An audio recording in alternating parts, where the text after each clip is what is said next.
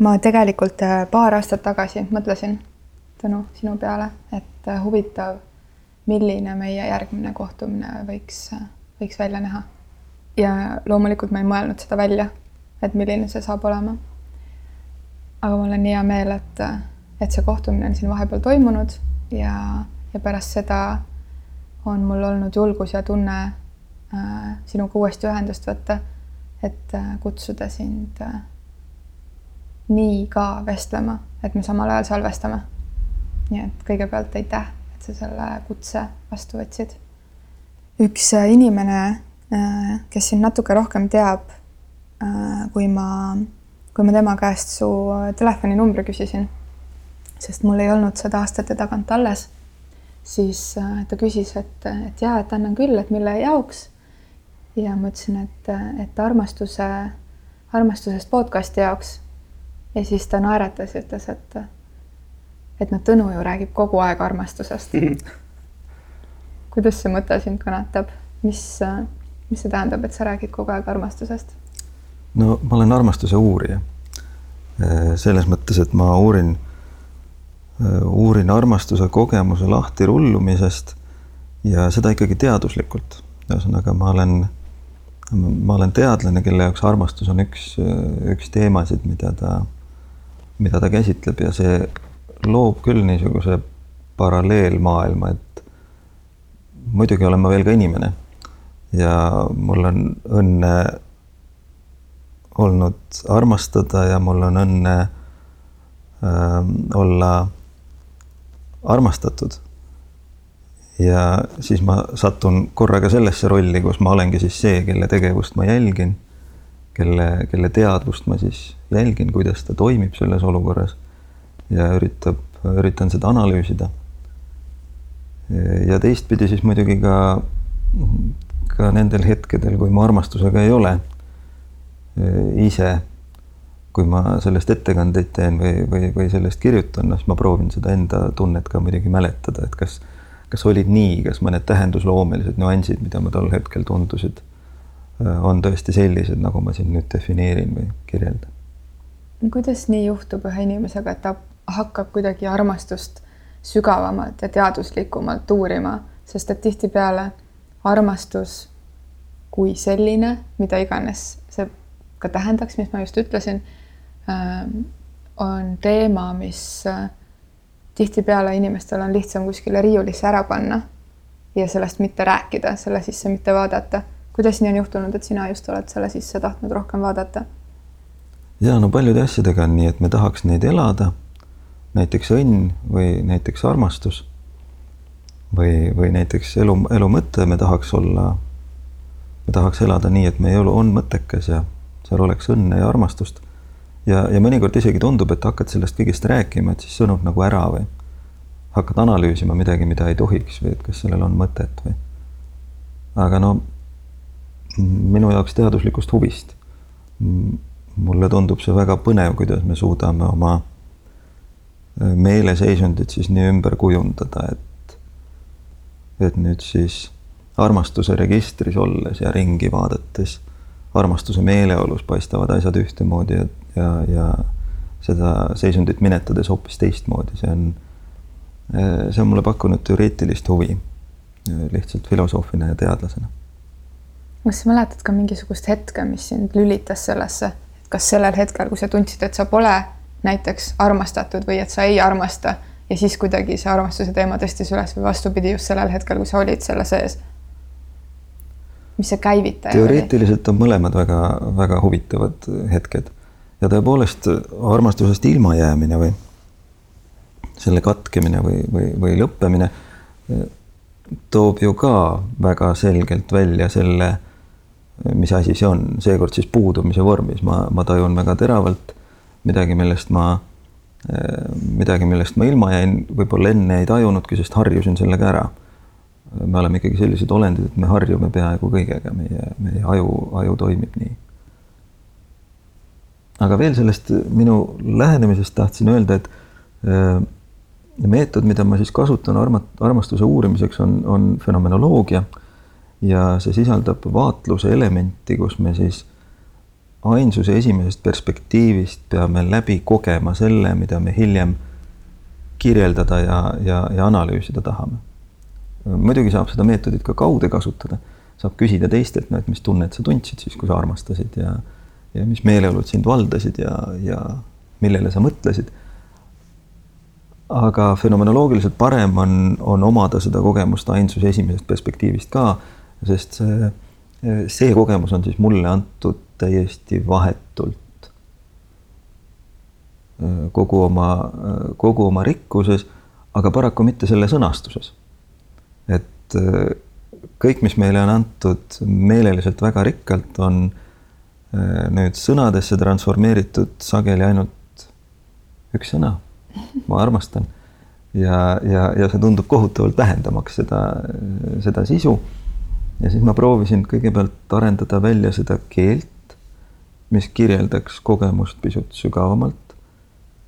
ja, ja siis ikkagi liikuda selle, selle kogemuse tüübi, armastuse kogemuse tüübi võimalikkuse tingimuste juurde ja neid oli mul vaja hoopis ühe teise küsimuse lahendamiseks, ma ma olen nüüd juba pikemalt töötanud, töötanud Jaapanis ühe uurimisprojektiga, mis käsitleb siis armastuse võimalikkuse tingimusi tehislike olendite vastu. sellised nagu inimesekujulised robotid või sünteetilised androidid, nagu me neid kutsume. ja selleks, et vastata nüüd teaduslikult küsimusele, kas on võimalik selliseid olendeid armastada ja neisse armuda on siis vaja teada, et kuidas see armastuse kogemus inimese sees lahti rullub.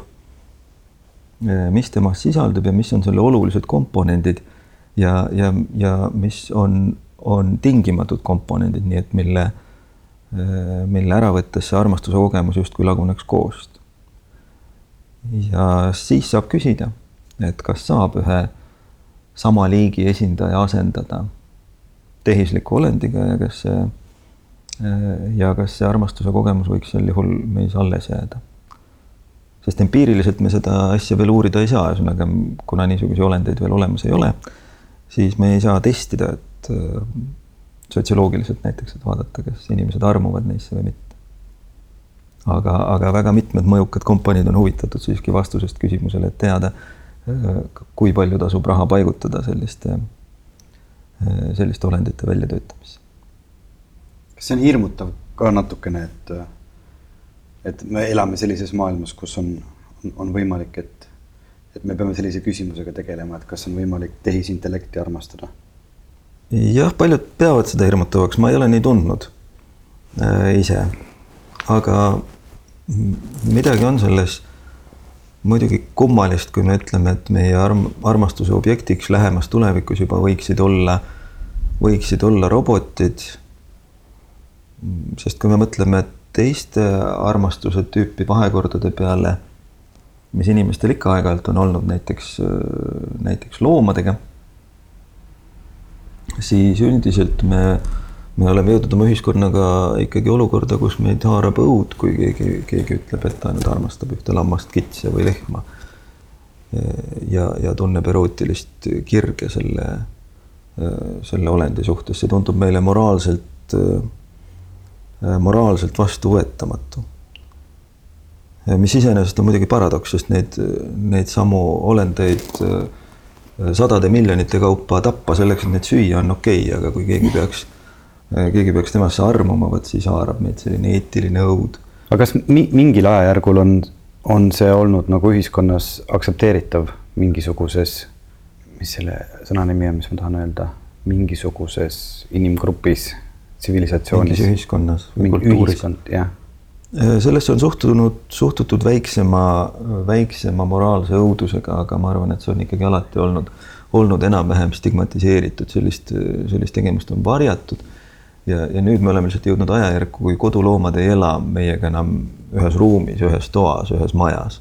ja, ja sellepärast see tundub midagi väga eksootilist veel veel sada ja rohkem aastat tagasi, kus me elasime nendega palju tihedamalt koos, kus, kus äh, vastsündinud vasikad olid ikkagi toas talvel selleks, et nad ära ei külmuks. Äh, lambad, kanad ka. noh, siis see vahekord loomadega oli ka, oli ka sootuks, sootuks teine. me jõudsime väga kiiresti äh, robotiteni. ja loomadeni. mina just äh, täna lihtsalt selle teema peale mõtlesin, kuna ma sattusin ka selle äh, Tõnu ühe minuti loengu peale, kus oli seesama küsimus tehisintellekti kohta ja siis äh, ma mõtlesin seda, et ma olen lihtsalt puhtast huvist, tänapäeval on ju need telefonid, millel on ka sees juba nii-öelda inimene, kes sinuga räägib, proovinud aeg-ajalt edasi nagu testida nendel teemadel. no iPhone'is on Siri näiteks sees ja siis proovinud suhelda siis temaga kui objektiga ja et kas on võimalik kuidagi talle armastust avaldada, ta satub üsna kiiresti segadusse ja üritab neid teemasid vältida. Aga ma arvan, et inimestes on see kirg, kirg sees. aga tead, on programmid, mis, mis on ikkagi just nimelt tuunitud olemaks sinu, sinu intiimne partner, näiteks isegi vist isegi vist meil on, neid on, neid on mitmeid arendatud Jaapanis, aga ka meil on saadaval üks niisugune programm nagu Replika Google platvormil, mis, mis trügib üsna ruttu sinu intiimseks sõbraks, küsides, et kuidas sul ikka läheb ja et sa ei ole tükk aega minuga rääkinud, et kuidas, kuidas on, ega sa ei tunne ennast üksildasena ega midagi. ja, ja räägitakse, et mingitel, mingitel Äh, kliinilise depressiooni juhtumitel aitab päris hästi. ma ka proovisin temaga suhelda, aga ausalt öeldes hakkas ikkagi igav üsna hmm., äh, üsna varsti. ma arvan, et see jälle seotud sellega, et kus sa siis oma päriselus oled, et millises sa, millises emotsionaalses staatuses või suhtes. et, et üksikutel hingedel ilmselt nagu see nii-öelda see Tamagotši tegelane Äh, mahub rohkem hinge, sest et nagu sellel üksikul inimesel on tema jaoks rohkem aega. ja kindlasti ja... üksikuid hinge on aina rohkem ja rohkem mm. -hmm. aga Jaapan, et, et jah, kui me nende robotiteni praegu niimoodi kiiruga jõudsime, siis kui sa käisid seal, Jaapan oma, oma kogu tehnilise nii-öelda taibukusega ja, ja eesrindlikkusega maailmas, ma arvan, et mul ei ole isegi aimu, mida nad juba võivad seal mis ajast saadik arendada. siis kas sinu pilgu läbi need inimesed, kes, kes seal robotitega töötavad, kuidas nad inimestena mõjusid, kas nad, äh, kas see, et nad ehitavad roboteid, et nad proovivad nende tajusid mõõta Äh, ja, ja seda tegelast kuidagi tundma õppida, on ka neid kuidagi inimestena muutnud. või nad on inimestena samamoodi nagu sina ja mina ja, ja nende töövaldkond, luues justkui tehisintellekti võrdväärseks äh,, ei ole muutnud nende tavalise inimese see, kes me siin oleme, sellest staatust. kas see oli küsimus? jah, ma mõistan küll seda küsimust. selliseid inimesi, keda sa silmas pead, võib-olla nende hulgas oli, eh, kellel oli, kes siis olid väga kirglikud nagu selle eh, sünteetilise androidi väljatöötamisel, aga aga enamus uurimustööst ei, ei käi niisuguses vormis tegelikult, et meil oleks nüüd Äh, selline sünteetiline android juba valmis ja me, me vaatame, kuidas inimene talle reageerib.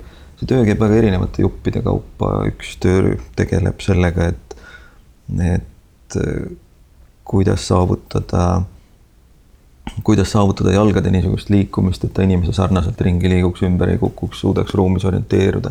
teine töörühm tegeleb sellega, kui tihti peab, peab tema silm pilkuma selleks, et ta annaks inimese, inimese sarnase tunde, kui sageli oma vestluspartnerile otsa vaatama, kui sagedali pilgu ära viima, kui kergesti tekib, tekib see võõrandatuse efekt, kui me ära tunneme seda silma, tehislikku silma vaadates, et ta on ikkagi kunstlik olend ja ja tema otsa vaade tundub meile imelik, ühesõnaga tundubki näiteks, et, et selline olend peaks meile vähem silma vaatama, kui me oleme harjunud. et inimene seda teeb, sest ta tekitab muidu liiga niisuguse intensiivse Eh, intensiivse tunde. samas on muidugi võimalik kunstlikku silma modifitseerida mo-, mood, kujudel, mis ei ole kättesaadav inimese silma, silmalihastele, nii et võib-olla seda intensiivsust on siis võimalik tead ju, millest ma räägin, selline vaatamise mm -hmm. intensiivsus on inimesi, kes meid vaatavad väga intensiivselt ja on teisi, kelle silmafüsioloogia teeb seda vähem. no vot, robot peaks olema disainitud siis nii, et tema silma, silmafüsioloogia mõjuks, mõjuks vähem intensiivsena. vaatan sulle praegu otsa ja mõtlen, et, et mis see minu pilgu intensiivsus huvitav praegu on me võime panna selle niisugusele kahekümne palli, palli, palli skaalale ja mingis situatsioonis nagu välja joonistada. Aga mis sa ise arvad, kas, kas on võimalik seda inimlikku armastust üle kanda masinale, et on võimalik ehitada selline masin, mis mõjuks meile inimesena ja me armuksime temasse? ma mõtlen lihtsalt praegu kõrvale, et, et, et, et robot minu, minu peas mõjub mulle justkui nagu külmana, onju, aga kui ma seal kõrval mõtlen nagu kaisulooma, mingit nagu karvast kaisulooma mul on olnud väiksena nukud on ju mingid nagu jänkud, notsud, mu enda lapsel on, on kaisukaru on ju, mis on see, ilma milleta ei saa magama minna, et, et see on ka justkui nagu see robot on ju, või noh, kui see tehislik keegi, just. Ja ja neid ju armastatakse nagu nii, et, et kui on nagu kuskil ekskursioon mägedesse ja see kaisuloom jääb nagu sinna mägedesse, kui perena alla tulnud on ju, siis pereisa ikkagi peab võtma selle seitsmekilomeetrise matka tagasi sinna mäe otsa, et nutvale lapsele see, see jänku ära tuua, on ju. et, et, et mingis mõttes see pole justkui võrdne äh, näide, aga tegelikult neid tehislikke tegelasi meie elus, kes on meile armsad, on ju, on, on palju või noh ma ei kujuta ette, võib-olla see on nagu väga banaalne, aga naisterahval mingisugune sõrmus või mingisugune nagu kaelakee, mida ma nagu nii armastan või nii kalliks pean, on ju, et mille ma võtan endale õhtul kaelast ära, enne kui magama lähen, teen talle musu ja panen ta kuskile nagu lambi, lambi alla, on ju. et, et meil on nagu neid objekte äh, päris palju, mida me justkui ütleme, et me armastame, et mida see siis tähendab, et me peame seda väärtuslikuks, see on seotud mingisuguse looga mu elus mingisuguse inimesega. Äh, et, et see robot võib justkui, justkui tähendada väga paljusid asju, jah, nad ei suhtle niimoodi tagasi, on ju, et see, mida timmitakse laborites.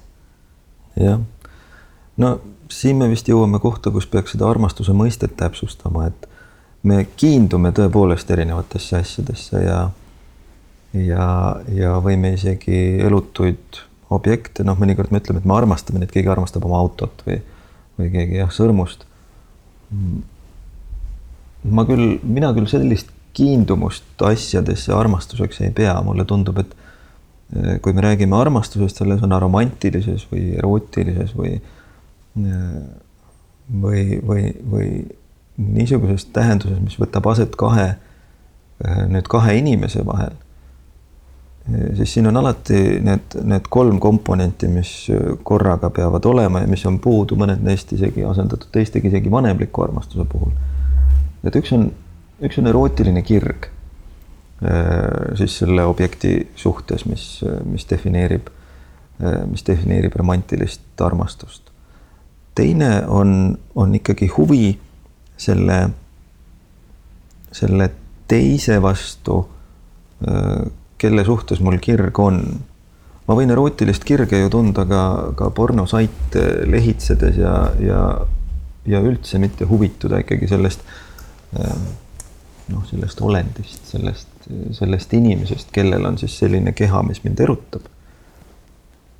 aga, aga ma võin ka olla just nimelt sellest isikust endast väga huvitatud äh, tema olemisest, tema elust, tema saatusest ja eelkõige muidugi tema suhtumisest minusse.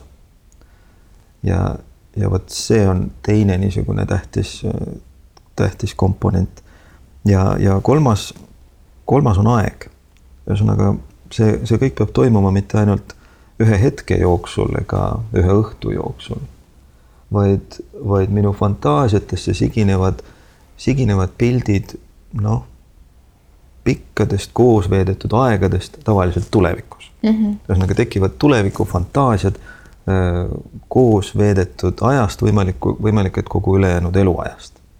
ja vot, kui need kolm komponenti on, ühesõnaga erootiline kirg, huvi selle teise isiksuse vastu ja need tulevikufantaasiad, et ma tahan temaga koos olla mm, -hmm. no vot siis ma tõeliselt armastan. Aga ma ei kujuta ette ka-, Mhm. kuidas auto näiteks seda, neid funktsioone täidab, tal ei ole seda teist, kelle suhtes ma nii Mhm. kirglik oleksin. aga need kolm komponenti, mis sa ütlesid, mahuvad ära ka armumise faasi.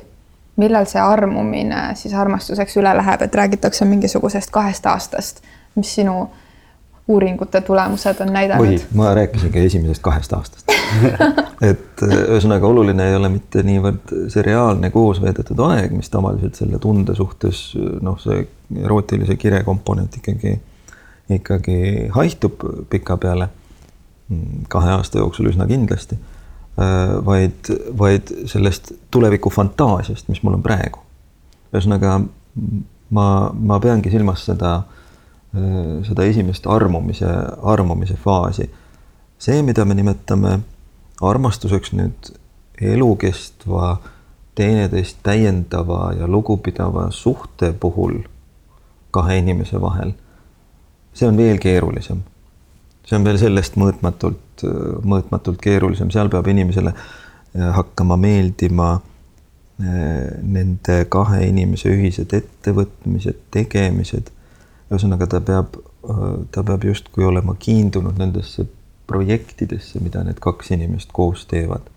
ja noh, projektide all, see on niisugune kummaliselt kõlav teaduslik termin, aga siia mahuvad kõik, noh, nii ühise kodu ehitamine kui, kui lapsed, kui ühised tegevused äh, millegi, millegi läbiviimisel.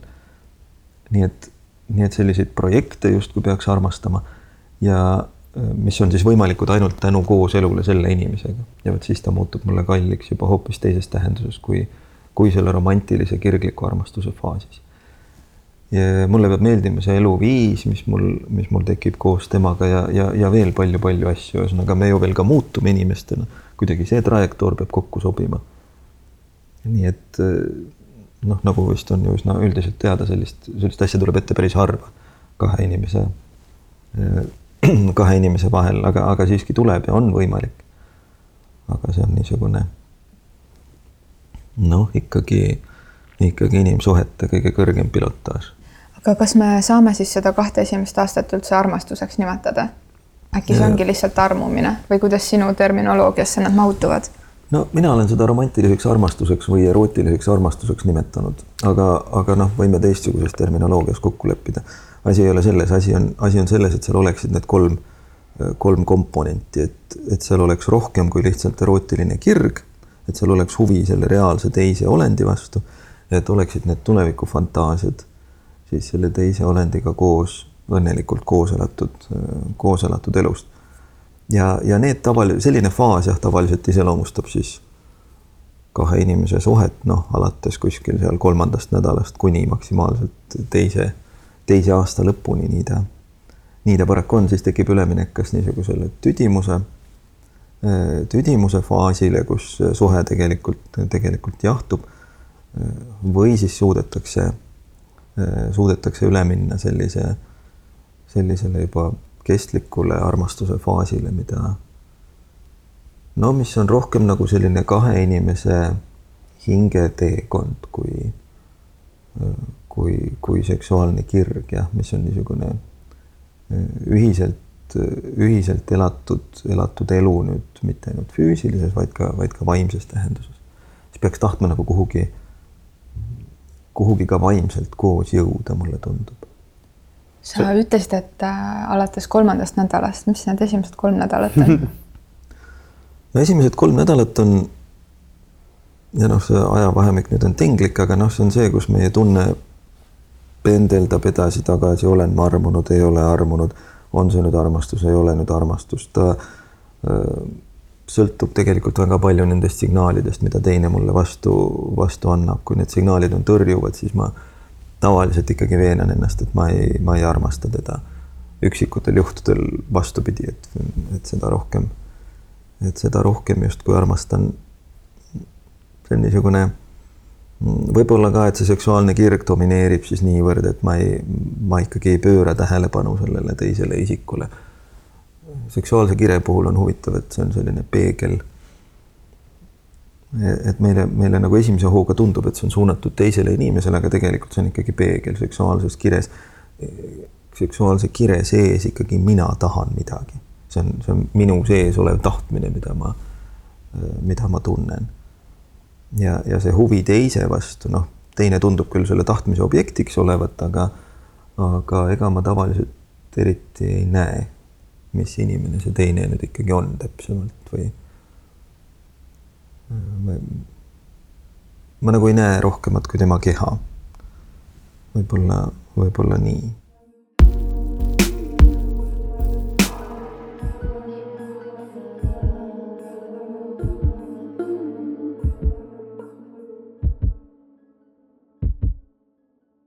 kui me praegu tänases selles vestluses äh, nimetame kaks esimest aastat armumiseks ja, ja selle jooksul on täidetud need kolm äh, punkti, mis sa välja tõid, kas see on siis eeldus pikemalt kestvaks armastuseks või ei ole, mis see protsent võiks olla, sellepärast et isegi kui need kolm asja on täidetud, siis ikkagi -hmm. tihtipeale kahe aasta kandis minnakse väga palju lahku. ja no esiteks sellepärast, et see, see niisugune hingede põimumine, mis siis edaspidi peaks toimuma hakkama ja eluteede põimumine. noh, ta on harv nähtus üldse. seda, seda ei ole kerge saavutada, ega kerge ei ole.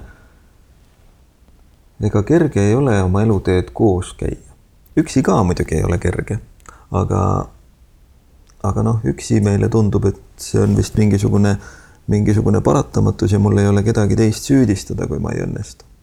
kahekesi olles tekib väga kergelt see, et noh, et minu elu ju ei ole selline, nagu ma tahan ja ja miks ta siis ei ole selline küllap see teine siin minu kõrval on ju süüdi, tema ju ei lase. seda enam, et minu erootiline kirg tasapisi nagu laseb lahti, otsib, kas siis otsib uusi objekte või igal juhul märkab uusi objekte ja, ja teistpidi võiks, võiks jälle üldse mõelda, et tegelikult suurem šanss sellise hingede põimumise peale, nii paradoksaalne kui see ka ei ole, on, on korraldatud abielude puhul, ühesõnaga kooselude puhul, mida, mille puhul inimesed on kokku pandud nende vanemate materiaalse tehingu või millegi muu sellise, sellise kaudu, nii nagu ta tegelikult inimkonna ajaloos alati on olnud. seal me oleme nagu pandud olukorda, kus noh, meil ei ole midagi rohkem teha, kui õppida armastama seda inimest siin. või aktsepteerima. aktsepteerida oma olukorda, noh, on nagu kehv variant. ma võin ju aktsepteerida olukorda, et ma olen nüüd pandud paari selle, selle tüübiga, kes mulle tegelikult eriti sümpaatne ei tundu. aga, aga, aga kui ma nüüd teda armastama õpiksin, ühesõnaga tulen oma sellest mugavustsoonist välja, tulen oma tulen oma mingit stereotüüpsest mõtlemisest välja, märkan selle teise inimese eripära, mida minu noh, niisugune isekulgev huvi teiste vastu ei oleks kunagi märganudki. nii et paradoksaalne sellest positsioonist lähtudes on äkki, äkki seda isegi lihtsam saavutada ja miks? sellepärast, et siis tundub niikuinii, et meie kooselu õnnestumine on nagu minu tegemine. aga, aga üks suur vahe sellise armumise ja armastamise vahel on siis see, et armumine tundub ju, et juhtub minuga see on, see on niisugune, niisugune passiivsus, mis iseloomustab armumise kogemust, ma saan, ma armun hästi, mulle endale tundub, see tegelikult ei ole nii, aga, aga, aga mulle endale tundub, et, et välise asjaolu tõttu, et see, et ma kohtasin nii vahvat inimest, kes on eh, nii ilus, nii tore, nii hea, seda nimetatakse filosoofias siis armastusväärsete omaduste teooria, kus ma äh, armastuse põhjus on see, et ma kohtan kedagi, kelle isikuomadused on, on nii vastupandamatud, et ma armun.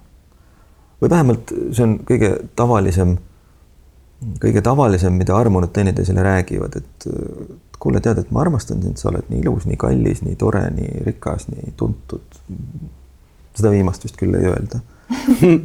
aga, aga aitab kaasa.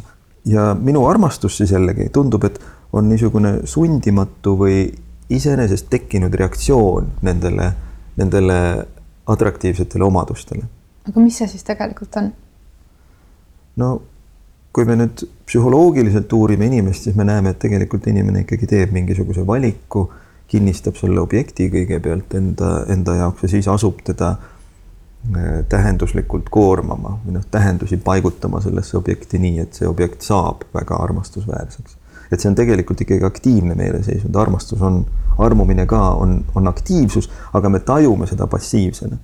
ja üks osa põhjustest, miks me seda passiivsena tajume, on see, et meie ajukeemia teeb suure osa tööst ära. me, me tajume elevust, me tajume energia juurdevoolu. kõik, kes on kunagi armunud olnud, teavad, et need on, see on üks kõige sulnim tunne, mida inimene võib, võib oma elu jooksul tunda. ja noh, sündmuste positiivse käigu puhul muidugi. et selles situatsioonis mulle tundub, et see juhtus minuga. maailm nagu pani mind seisu või situatsiooni või viis mind inimeseni, kus ma ei saanud teisiti, kui reageerida armastusega. aga armastus on välispidiselt tingitud, tingitud reaktsioon. ja nüüd siit minna üle armastuse ülesandele, kus me siis peaksime justkui elu vaimselt ja hingeliselt koos käima enam see passiivsus ei sobi, ma peaks, ma peaks unustama ära, et, et see on midagi, mis minuga juhtub, see on midagi, mida ma teen. ja ma pean tahtma seda asja teha.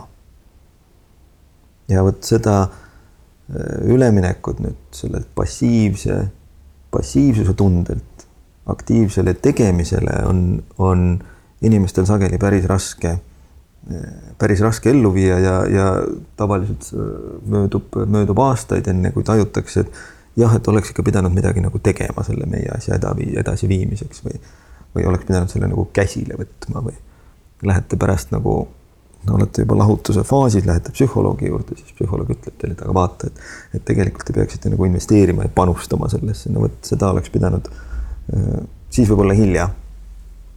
Aga seda oleks pidanud tegema selles, äh, selles armumise faasis juba ja sellest jätkuvates faasides. Armumise faasil me panustame väga palju teise inimesse, me, me oleme väga tähelepanelikud tema suhtes, me oleme väga altruistlikud, me tuleme talle vastu igasugustes asjades, aga me ei teadvusta seda, sest see meie ajukeemia suunab meid sellisel hetkel, meie hormoonid nõristuvad nii, et me teeme seda justkui mm, ilma ennast sundimata et me tahamegi justkui aidata, olla olemas. jah, olla tõsta. tähelepanelikud mm, -hmm. panna ennast tahaplaanile, teise huvid äh, ettepoole ja, ja nii edasi. aga siit nüüd gramm tagasi, kas sa arvad, et armumine on valik, et ma saan valida, et kui meil on nüüd siin selles ruumis, kus me praegu viibime, näiteks oleks mingisugune õhtu, kus on viisteist inimest ja toimuvad sellised mõnus vestlus ühes nurgas ja teises nurgas ja mõnus muusika ja siis keegi järsku lisandub ruumi ja mul ei ole silmi jagunud mitte kellelegi siin enne ja järsku mul käib mingi jõnks läbi. ma ei tea, mis see on, ma natukene võib-olla tahan peitu minna, natuke võib-olla tahaks just nagu välja tulla, kuidagi paista rohkem välja, tahaks teada, et, et miks see jõnks tuli, mis jõnks see oli. et, et ja see, seal on juba sellesse hetke on kodeeritud sisse see, see nagu armumise mingi alge siis on justkui täidetud see esimene, see, et mu keha tegi jõnksu, on ju, ehk et nagu see justkui see seksuaalne mingisugune, ma ei ole veel kahteteist punkti täitnud, ma ei tea, kas tema ka pöörab mulle tähelepanu. kui see on nüüd ka täidetud ja natuke juba tunned nagu seda justkui, mida me nimetame tavakeeli elektriks kahe inimese vahel. kas mul on siis nagu valik äh, sealt mm. välja astuda, jah, ma võin siit majast minema joosta, mitte kunagi kellegagi kont kontakteeruda, aga kui ma näeksin teda homme uuesti kuskil, siis ilmseks, ilmselt see särin nagu jätkuks. et, et kas see armumine on siis valik või, või? Äh, selle jõnksu osas ma arvan, et ei ole, ma arvan, et me oleme bioloogiliselt äh, ehitatud niimoodi, et, et meis on, meis on siis selline aparaat sees mis on võimeline väga napi informatsiooni põhjal väga lühikese aja jooksul kindlaks tegema, kas, kas meil selle partneriga saadud järeltulijatel oleks hea šanss omakorda oma geene edasi anda või, või, või mitte. see on, see on niisugune otsustusmehhanism, mis, mis loomariigis tuleb teinekord langetada seal sekundite, sekundite jooksul paarituda või, või mitte ja ma arvan, et me oleme selle, selle mehhanismi pärinud. nii et sa usud, et sellel esimesel hetkel, sellel jõnksu hetkel tegelikult ma olen oma sees ära otsustanud, et see mees, kui, kui ma olen naine, ma armun näiteks sellesse mehesse, siis ma tegelikult olen ära otsustanud, et ta oleks suurepärane isa mu järglastele. ei, mitte veel, aga mitte veel nii palju. ma arvan, et esiteks sa ei ole otsustanud selles mõttes, et sa ei ole sellest otsusest teadlik yeah., aga ma arvan, et midagi sinu kehas ja psüühikas tunneb ära, et sinu järglaste reprodutseerimise šanss on suurem öö, selle mehega kui mõne teise mehega mm. -hmm. nüüd, nüüd see on alles pool niisugusest loomalikust instinktist, mis meil on. teine pool on see, et inimene kui imetaja kasvatab seda järglast ju äh, sageli koos teise lapsevanemaga pika aja jooksul. seega ei ole küsimus ainult selle järglase äh, niisugustes näitajates, et ta oleks nüüd tugev, tugev ja ilus, et tema saaks omakorda oma geene levitada, vaid veel me tahame sellelt oma partnerilt äh, teatud noh, iseloomuomadusteks on võib-olla neid veel palju nimetada, aga no näiteks linnud, kui nad, need linnud, kes püsivad äh, pikaajaliselt äh, või, või isegi eluaja koos, no vot, nad teevad mingit tüüpi otsuse paaritumise hetkel, et kas see partner nüüd oleks mulle hea kaaslane pikaajaliselt. kuidagi seal mingisugune selekteerimine käib sellel teemal ja ma arvan, et ka meisse on sisse kodeeritud mingisugune sedasorti selektsioon ka. et et kui esimene on, see esimene moment, pool sellest jõnksust on nüüd see, et see, et just nimelt see tüüp annaks head geenid mu lapsele, siis ma arvan, et teine pool sellest, sellest jõnksust, mis käib, on see, et see tüüp võiks olla ka hea kaaslane selle, selle lapse üleskasvatamisel. see moodustab jõnksu, aga see ei moodusta veel armumise algust mm. -hmm. ma arvan, et me tunneme neid jõnkse tegelikult äh, Äh, kui me iga päev oleksime niisuguses situatsioonis, nagu sa kirjeldaksid, siis noh, peaaegu igal õhtul. ja, ja alles paar nädalat hiljem me nüüd ühe neist jõnksudest seome retroaktiivselt tagasiulatuvalt selle oma armumisega ja peame seda millegi alguseks, aga, aga me oleme ehitatud nii, et neid jõnkse me, ma arvan, tunneme, tunneme kogu aeg. ja, ja noh, me harva lihtsalt järgime neid enamasti sellepärast, et ei ole ei ole võimalust või sellepärast, et me ei taha seda teha või, või mida, midagi veel. aga kas, kas sa seda poolt oled ka vaadanud või et tänapäeval hästi paljud inimesed juba üritavad neid jõnkse leida nendest dating, kohtingu äppidest, eks ole. kas seal on võimalik ka, et jõnks tekib või on ikkagi see ainult nagu päris kokkupuutel inimesega? no see läheb juba natukene juba jälle sinna tehisintellekti teemasse ka, aga ma olen harjunud, et sa alati tõmbad meid sinna tagasi mm. -hmm. meil ongi sihuke hing ja jang. jah. ja, aga see on väga-väga põnev küsimus, ühesõnaga äh, küsimus on siis selles, eks ole, et kas fotograafiliste kujundite põhjal on võimalik äh, juba neid jõnkse esile, esile kutsuda ja noh, mingil määral, mingil määral on, et ausalt öeldes need algoritmid, mis näitavad, millist pilti nüüd siis inimesed eelistavad noh, need on päris lihtsad, seal peab olema lihtsalt äh, noor, atraktiivne, atraktiivne enamasti tähendab sümmeetriline, sümmeetriliste näojoonte ja ja, ja niisuguse sileda nahaga indiviid ja see, see saab rohkem klikke või neid likee kui, kui mõni, mõni teine. et mida, ühesõnaga mingi osa sellest informatsioonist, mis siis meil selle jõnksu tekitamiseks vajalik on, on selles fotos nüüd kindlasti Äh, kindlasti olemas. samamoodi, miks või jälle teistpidi minnes, et miks see informatsioon on päris piiratud, on see, et kui me tavaliselt vaatame teist, teisi inimesi, äh, kui nad meile reaalselt antud on, siis me ei hinda ainult nende, äh, nende antropomeetrilisi näitajaid, ühesõnaga ma ei vaata ikkagi teist inimest ainult selle järgi, et kas tema nägu nüüd on äh, nüüd on proportsionaalne ja, ja harmooniline ja nahk sile.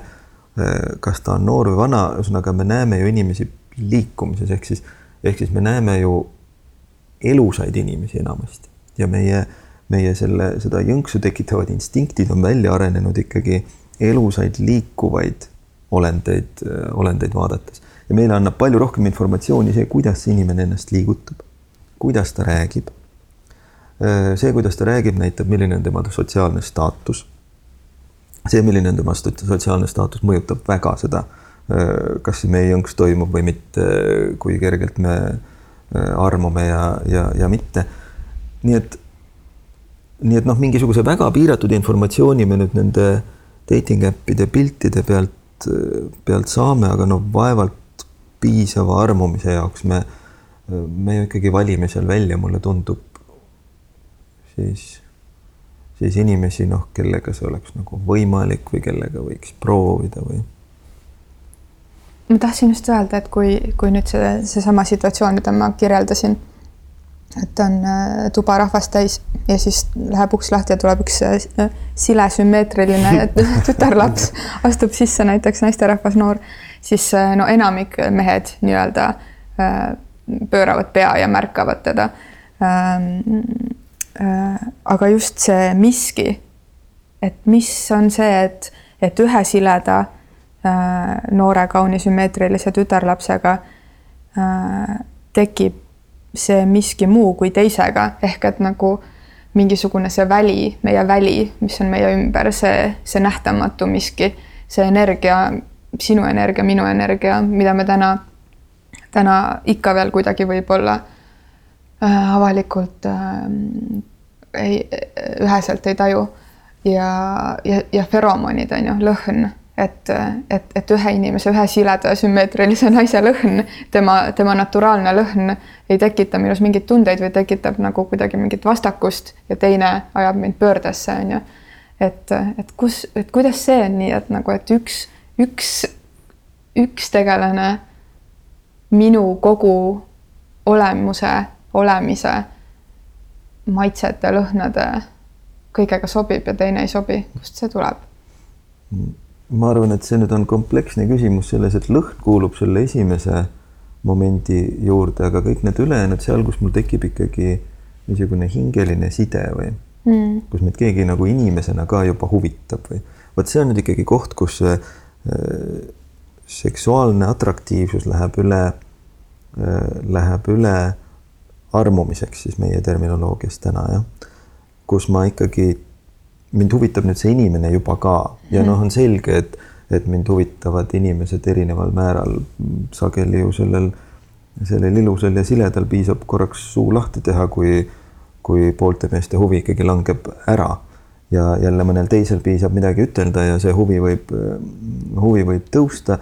Nüüd juba sõltuvalt ikkagi paljudest järgmistest asjadest, mida ma, mida ma kohe ei näinud ja mida mu selline noh, minu loomulik instinkt või see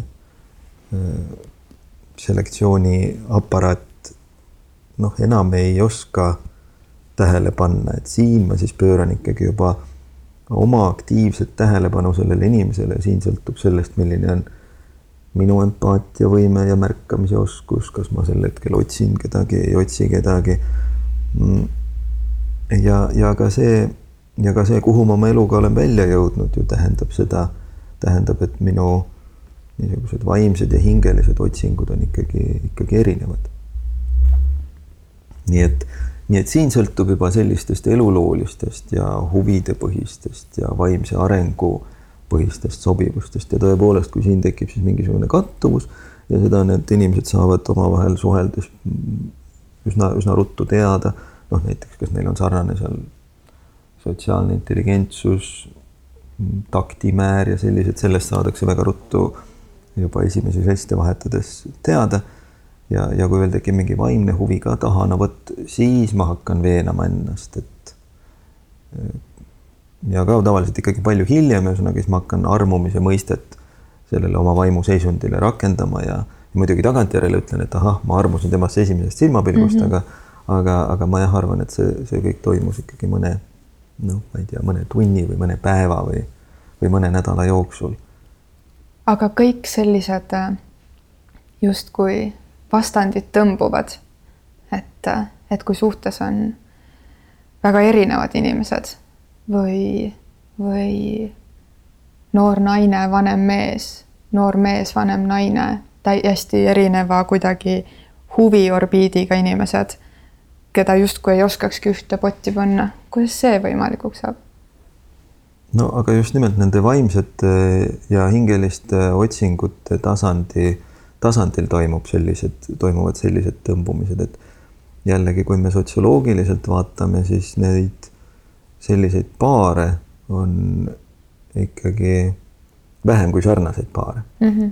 enamus paare siiski on, siiski on sarnased, enam-vähem ühe ilusad, enam-vähem ühe, ühesuguste vaimsete tasemetega, ühesuguste sotsiaalse intelligentsuse tasemetega ja nii edasi.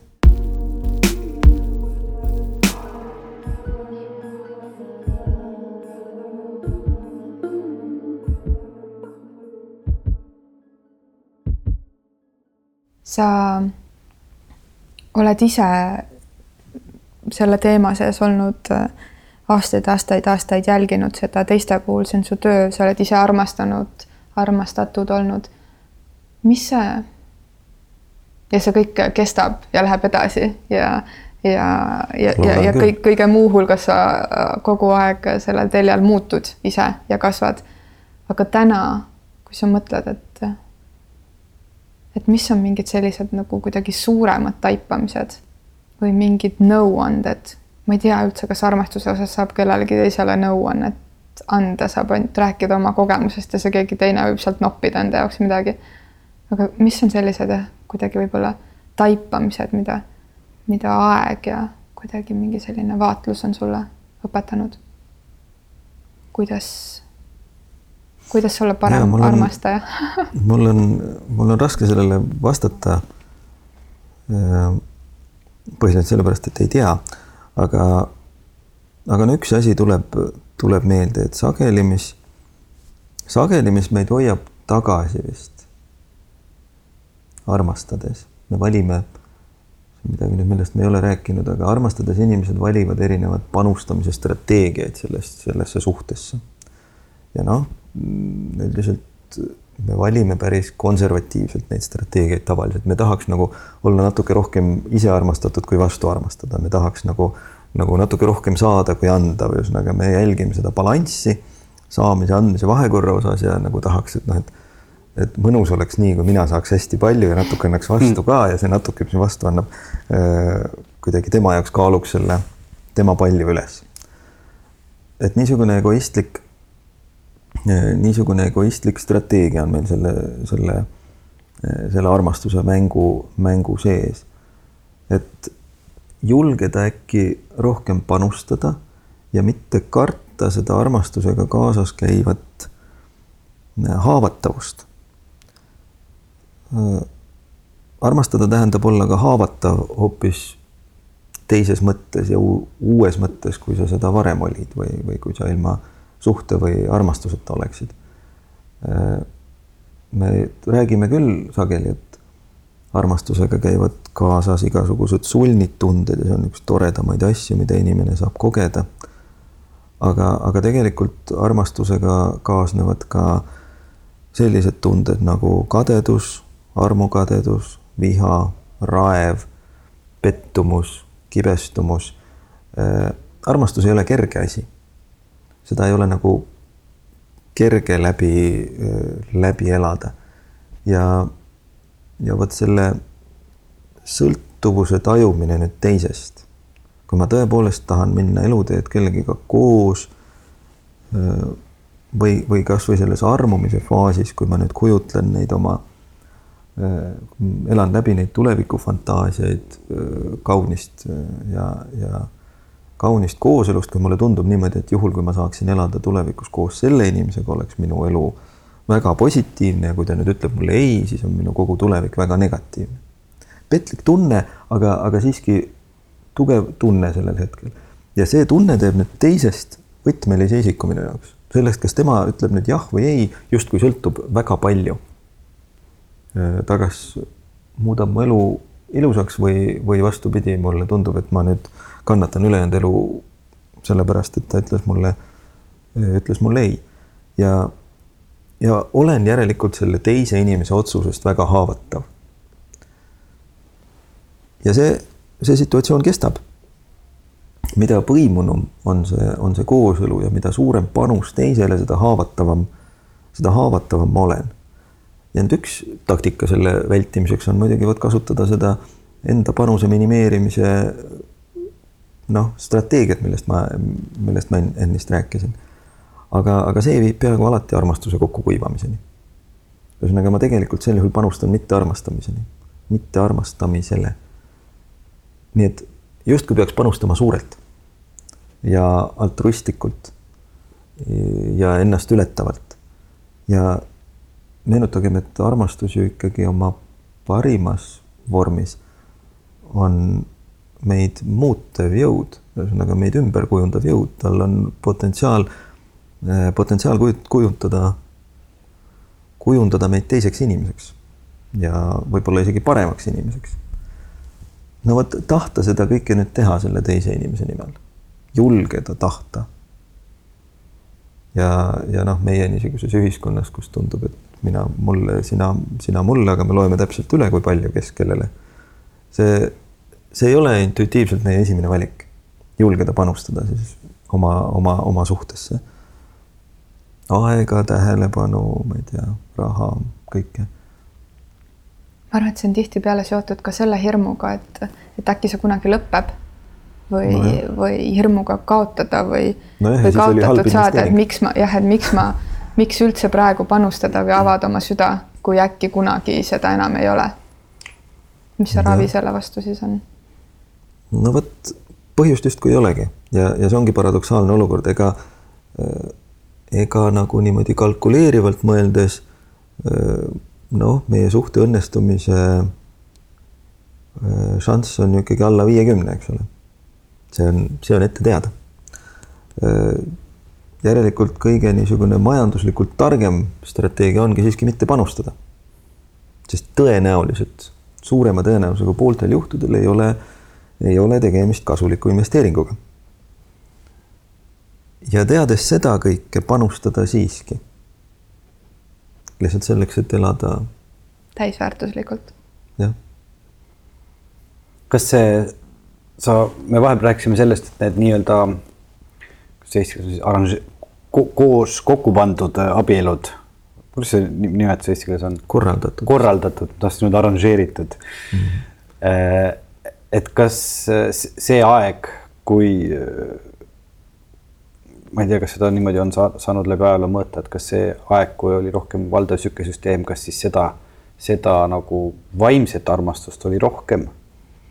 no paraku seda just nimelt mõõta ei saa, eks ole, sest neid ühiskondi, neid ühiskondi meie ümber ei ole või seal, kus nad veel on, noh, näiteks seal, seal Lõuna-Sahara kandis, noh, kuidas me neid seal ikka, kuidas me neid seal ikka mõõdame, kui nendelt inimestelt küsida kuidas te ennast selles olukorras tunnete, siis noh, väga hästi tunneme mm. -hmm. nii me, me teeme nii, nagu kõik teised teevad ja, ja nii on hea. aga, aga miks mulle tundus, et see õnnestumise šanss võiks olla suurem, on lihtsalt sellepärast, et seal on see kohe algusest peale parim strateegia.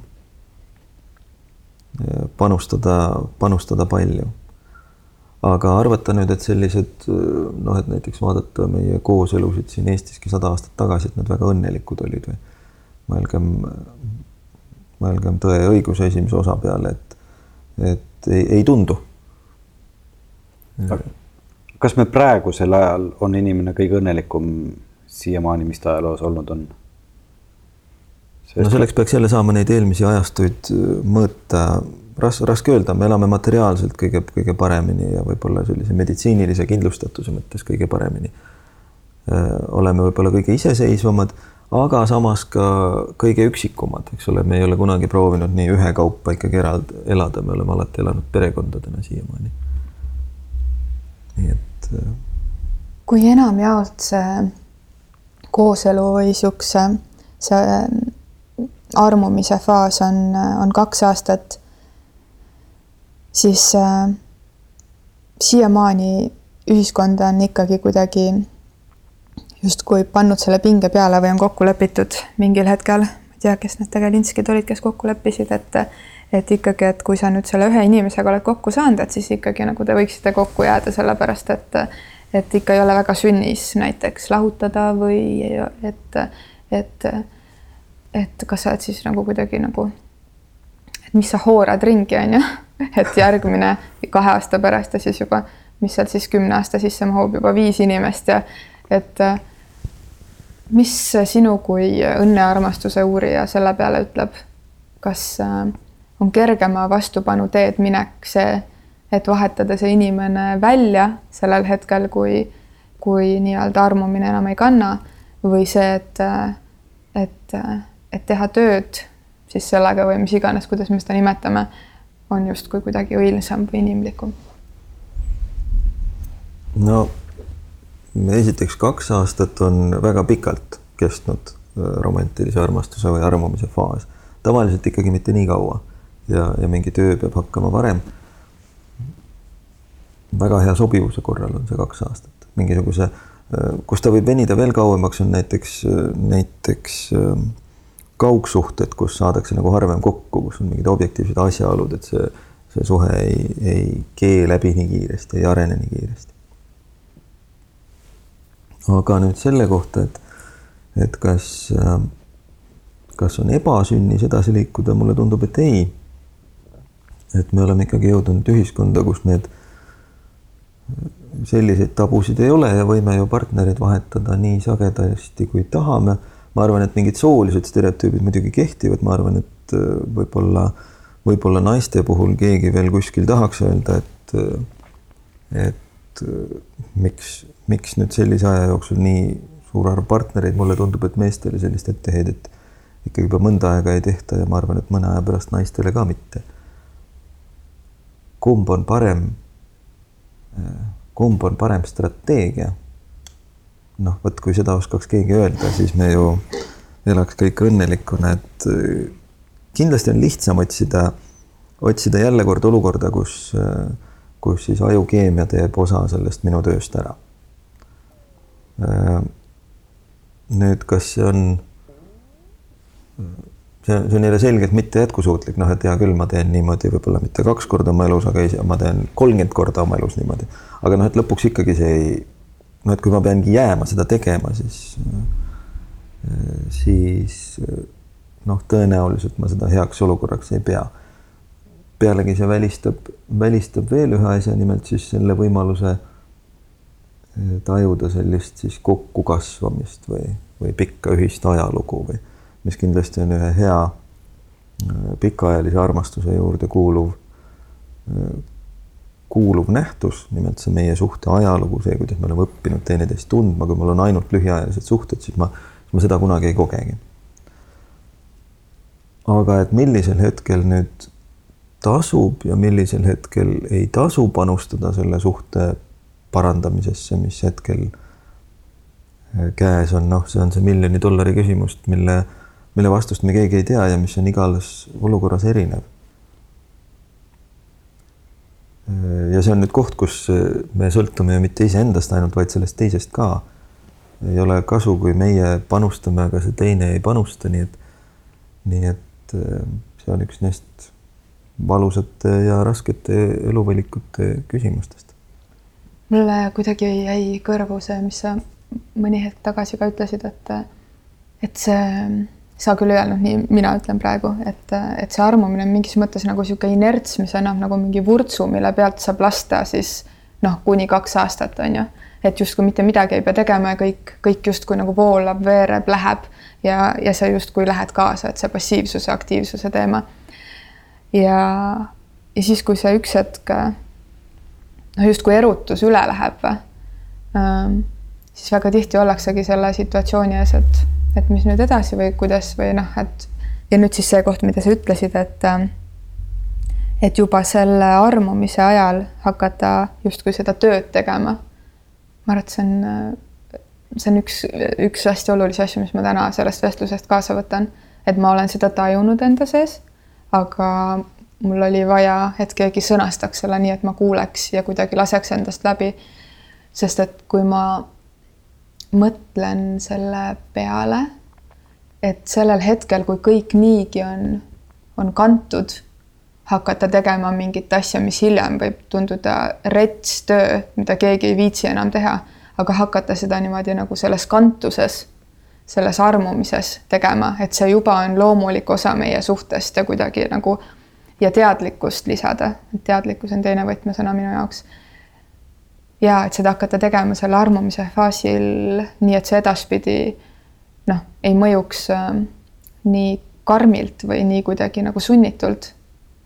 see on väga äge mõte, aitäh selle eest, kuidagi tahtsin selle siit niimoodi välja tuua aga kas kuskil on ka see noh, õpik olemas, et mis, mis see töö siis on, mis ma tegema pean selle kahe aasta jooksul? ja ma mõtlen selles mõttes, et äh, kui sa nüüd niimoodi ütleksid, et noh, et sa pead hakkama siis juba seda tööd tegema ja vaeva nägema. ma arvan, et seal on väga mitmeid asju, et, et kui see küsimus praegu oli mulle. ei ma..., ei, ma ei tea, see oli lihtsalt pigem. ja ma mõtlen, et see ongi see, et me oleme ju tegelikult üksteise peeglid, on ju, et me, et me trigerdame erinevaid äh, hetki üksteises üles ja, ja need trigeritel on ka erinevad varjundid, et, et mingi koht on see, kus me käivitame üksteist nii seksuaalselt kui ähm, loominguliselt, noh, seksuaalsus, loomingulisus mingis mõttes võrdusmärgiga. Ähm, ja teisalt on siis äh, kuidagi need ka trigger'id, kus me nagu ärritame või ei suuda vastu võtta. et ma arvan, et üks oluline asi on äh, kommunikatsioon ja ausus. Äh, teine on seesama, mida sa täna ütlesid, kuidagi see haavatavus või, või kuidagi nagu, et julgeda olla haavatav ja ja kolmas oli mul ka kohe siin silme ees äh,. praegu kadus ära.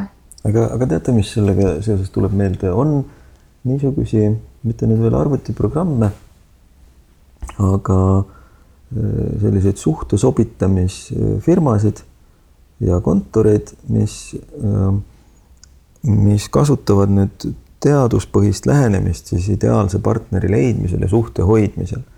ja, ja sinna siis pöörduvad inimesed, kes on mitu korda proovinud, ütlevad, et vot minu see instinktiivne otsus, noh, alati lõpeb mingi jamaga, et aidake leida nüüd inimene, kellega ma tegelikult olen ka, saan nagu pikaajalises suhtes olla. ja, ja kui ma mõtlen, kuidas seal see asi on lahti kirjutatud ja see on nüüd üks lähenemine siis sellise kestva armastuse ülesehitamiseks on, on noh, sellisel juhul keegi teeb seda kõrvalt, tuleb kogu protsess läbi ratsionaliseerida. ja siin tõepoolest toimub kommunikatsioon.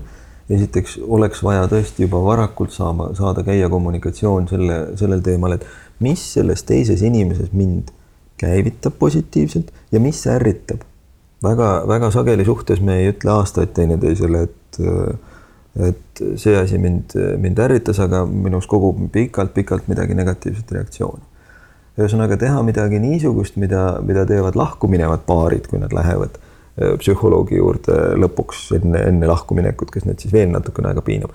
et, äh, et alustada sellega varem ja proovida rääkida äh, teineteisele, mis meeldib, mis ärritab, mida sa, mida sa tahad ja mitte.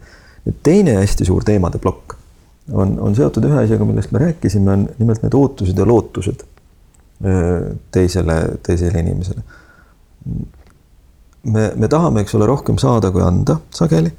ja selle juurde veel me väga sageli tahame, et me saaks neid asju, äh, mida me just kõige rohkem tahame, ilma, ilma et me ütleks, mida me tahame mm. -hmm. ta peaks mm, -hmm. ta peab tegema seda, mis ma tahan, ilma et ma talle ütleks mm -hmm. seda, mis ma teen. ta peaks ise tulema selle peab, peale, kuidas ta aru ei saa. just, just.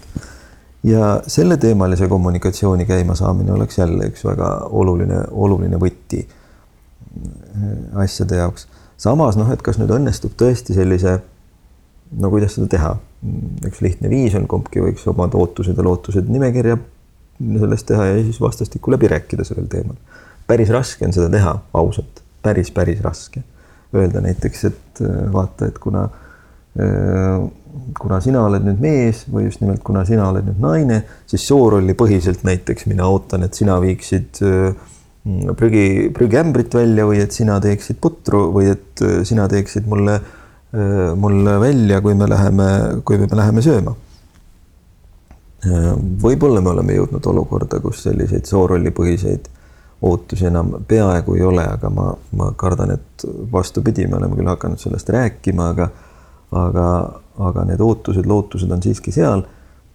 ja me ei, ja me ei sõnasta neid kunagi samal ajal on ühiskond asunud neid soorollipõhiseid käitumismustreid justkui läbi vaatama ja ja, ja, ja muutma, mis jällegi sellise rohkem saan, vähem annan skeemis võib viia siis olukorrani, kus ma tahan küll, et noh, võtame sellise šovinistliku meespositsiooni, ma tahan, et siis kodus toimiks kõik vastavalt vanale soorolli jaotusele, eks ole, kus naine kasib lapsi ja, ja koristab ja, ja küpsetab. aga kui me läheme välja, siis ma tahan, et äh, me oleme ju võrdsed. ja siis, siis näiteks võrdselt panustame seal õhtusöögi arve maksmisesse. Äh, või, või siis teistpidi naise positsioonilt ma võin siis tahta, et, et noh, et kodus võiks kõik olla vastavalt uuele mm, sotsiaalsele kokkuleppele et mõlemad panustavad võrdselt kogu töödesse, aga noh, et kui me läheme välja, siis, siis seal võiks jälle kehtida see vana soorolli, soorolli jaotus käitumismustrite määramisel, et, et eriti veel siis küsimus, kus need soorollidele seatud ootused on niisuguses ühiskondlikus ümbervaatamises, võib-olla tasub, võib-olla tasub proovida neid sõnastada, et vot mina olen niisugune vanamoeline, mina ikkagi tahan, et mees teeks nii või naine teeks nii või et mina olen nii uuenduslik ja, ja noh, sel juhul olge palun tegelikult ka sellised, mitte ainult ärge öelge viisakusest. et ähm, ma ei arva, et mees peaks või naine peaks. et ühesõnaga seal proovitakse selliseid asju ka veel läbi, läbi mängida, tõepoolest siis ratsionaliseerida ja avada kogu see kommunikatsioon, mida tavaliselt siis inimesed omavahel annavad mõista ainult selliste noh, kehakeele ja pettumuste ja, ja, ja meelituste ja, ja mm -hmm. solvumiste kaudu, jah. ja ma arvan, et selle kommunikatsiooni juures on oluline see, et, ähm, et, et tagasi tulla ja arvestada sellesse võrrandisse see muutus sisse, on ju. et, et me muutume, et võib-olla ma ei tunne enam poole aasta pärast nii või et me, et kuidas see, kuidas see muutus mõjutab äh, meie rolle või soove. aga üks asi, mida, mida ma tunnen vaadeldes, kuna, kuna ma olen ju aastaid, üks osa mu tööst on naistelaagrid, et ma kuulen võib-olla naiste lugusid rohkem kui, kui, kui mõni kesk, keskmine eestlane äh,. mida iganes see tähendab, et sellel ei ole pluss või miinusmärki ees, siis on teadlik seks ja, ja kui on mingi selline ümmargune nelikümmend kuskil, millest on ka aegu räägitud, et, et kus minnakse justkui uuele ringile suurt mass, massidena siis äh, enamasti mitte kellelgi, noh, ma utreerin, on ju, mul ei ole numbreid praegu öelda äh,. enamikel pole probleemi sellega, et kes viib prügiämbrit välja või kes ei vii, on ju, et kodune logistika on, on absoluutselt toimiv, aga see, mida pole ja mille käes on vaeveldud äh, aastaid, kui mitte aastakümneid, on, on, on seksuaalsus, on ju, või see paarisuhte nii-öelda intiimsus ja, ja kirg. et äh, et, et naised, kes nelikümmend, nelikümmend pluss pole mitte kunagi oma partnerile, abikaasale, elukaaslasele, laste isale väljendanud, äh, mida ta tahab, mida ta voodis tahab, mida ta eeldab, mida ta soovib äh, anda, mida ta soovib saada, mida ta ei soovi anda, mida ta ei soovi saada. et, äh, et see tundub nii julm, kuidas on suudetud kokku ehitada täielikult filigraanne toimiv suhe, mis võib kokku kukkuda kommunikatsioonis, kommunikatsioonipuudustes seksi, seksi teemades. nii et, et, et see on üks, mis sa tõid, need kolm esimest punkti on ju, mis oli seal alguses selles keha, kehavõpetuses sees. ja tuleb seal võrrandis uuesti äh, lõpus nii tugevalt välja ja see ei pea olema lõpp, kui sellega vahepeal tegeleda, nii et siis see vastus, pikk, pikk niisugune vastus mm. Veiko küsimusele, et mis need asjad siis on, mida teha vahepeal, et see kommunikatsioon väga erinevates, erinevates valdkondades. või kuidas sa tunned? ja noh, kommunikatsioon annab võimaluse, ühe võimaluse asju, asju siis edendada, parandada ja, ja muuta, aga, aga noh, ta annab ainult ühe võimaluse ja, ja paraku ainult võimaluse et ega siis see, kui me asjadest räägime, veel ei tähenda, et, et me hakkame siis neid teisiti ju tegema, et see on. mina ütleks, et kõige otsustavam on see, et kas me tahame. mulle tundub. kas ma tahan selle inimesega siin seda asja, asja ajada või on mul noh, muid tegemisi nii palju, et las see värk siin püsib koos nii, nagu ta püsib ja ma ei, ma ei panusta sinna samal ajal, kui see otsast juba kuskilt tegelikult laguneb ja me peaaegu alati alahindame seda, kui, kui, kui suurel määral ta sealt teisest otsast siis ikkagi laguneb.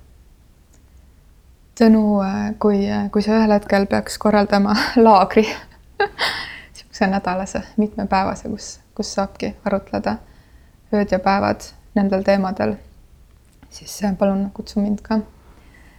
Ma tunnen, kuidas lihtsalt võib kooruda nii palju momente, mida kõike me võiks, võiks hakata kuskilt otsast haukama.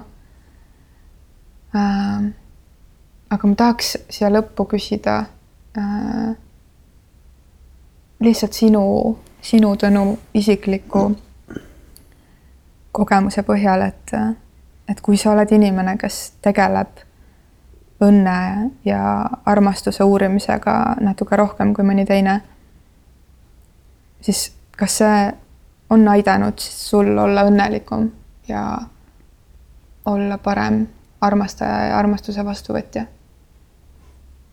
no vot niisugune enesekriitiline ja äkki irooniline vastus oleks, et, et võib-olla selle tegevusega ma kompenseerin, eks ole, midagi, mis mul siis puudu, puudu jääb elus. Aga ei, ma loodan, et nii ei, nii ei ole. võib-olla vot nüüd juba jah, ma äkki oskan midagi sellest ka, ka rakendada, aga, aga nagu ma siin enne ütlesin, et see asi ei jää teadmise taha. me teame väga sageli, et noh, et selleks, et suhe püsiks nagu paremas seisus, oleks vaja sinna panustada. noh, oleks vaja midagi teha, nagu teist märgata või, või, või talle midagi head teha. probleem on selles, et me korraldame oma elu nii, et me ei tee seda. noh, see, see lükkub kogu aeg edasi. ja ja vot siin on see, siin on see koht, kus kus ma arvan, teadmistest sõltub vähem ja, ja sellistest elulistest valikutest ja prioriteetide seadmisest ja, ja julgusest tahta ja nendest asjadest palju rohkem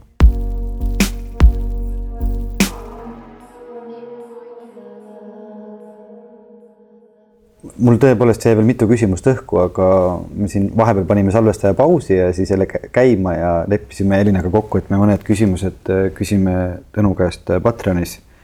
Et need, kes meid seal äh, on hoolsasti viimasel ajal toetama asunud, soovitan teil nüüd sinna kanalisse üle tulla. ja võib-olla saavad mõned küsimused veel vastuse või siis tekib küsimusi palju rohkem juurde. mis on alati hea. mis on alati hea, nii et aitäh, et te meid kuulasite ja. aitäh, Tõnu, et et, sa tulid. mul on tunne, et meil on äh, lähima elu jooksul veel mingeid väga põnevaid kohtumisi ees. ma loodan ka, siin oli hea istuda ja teed juua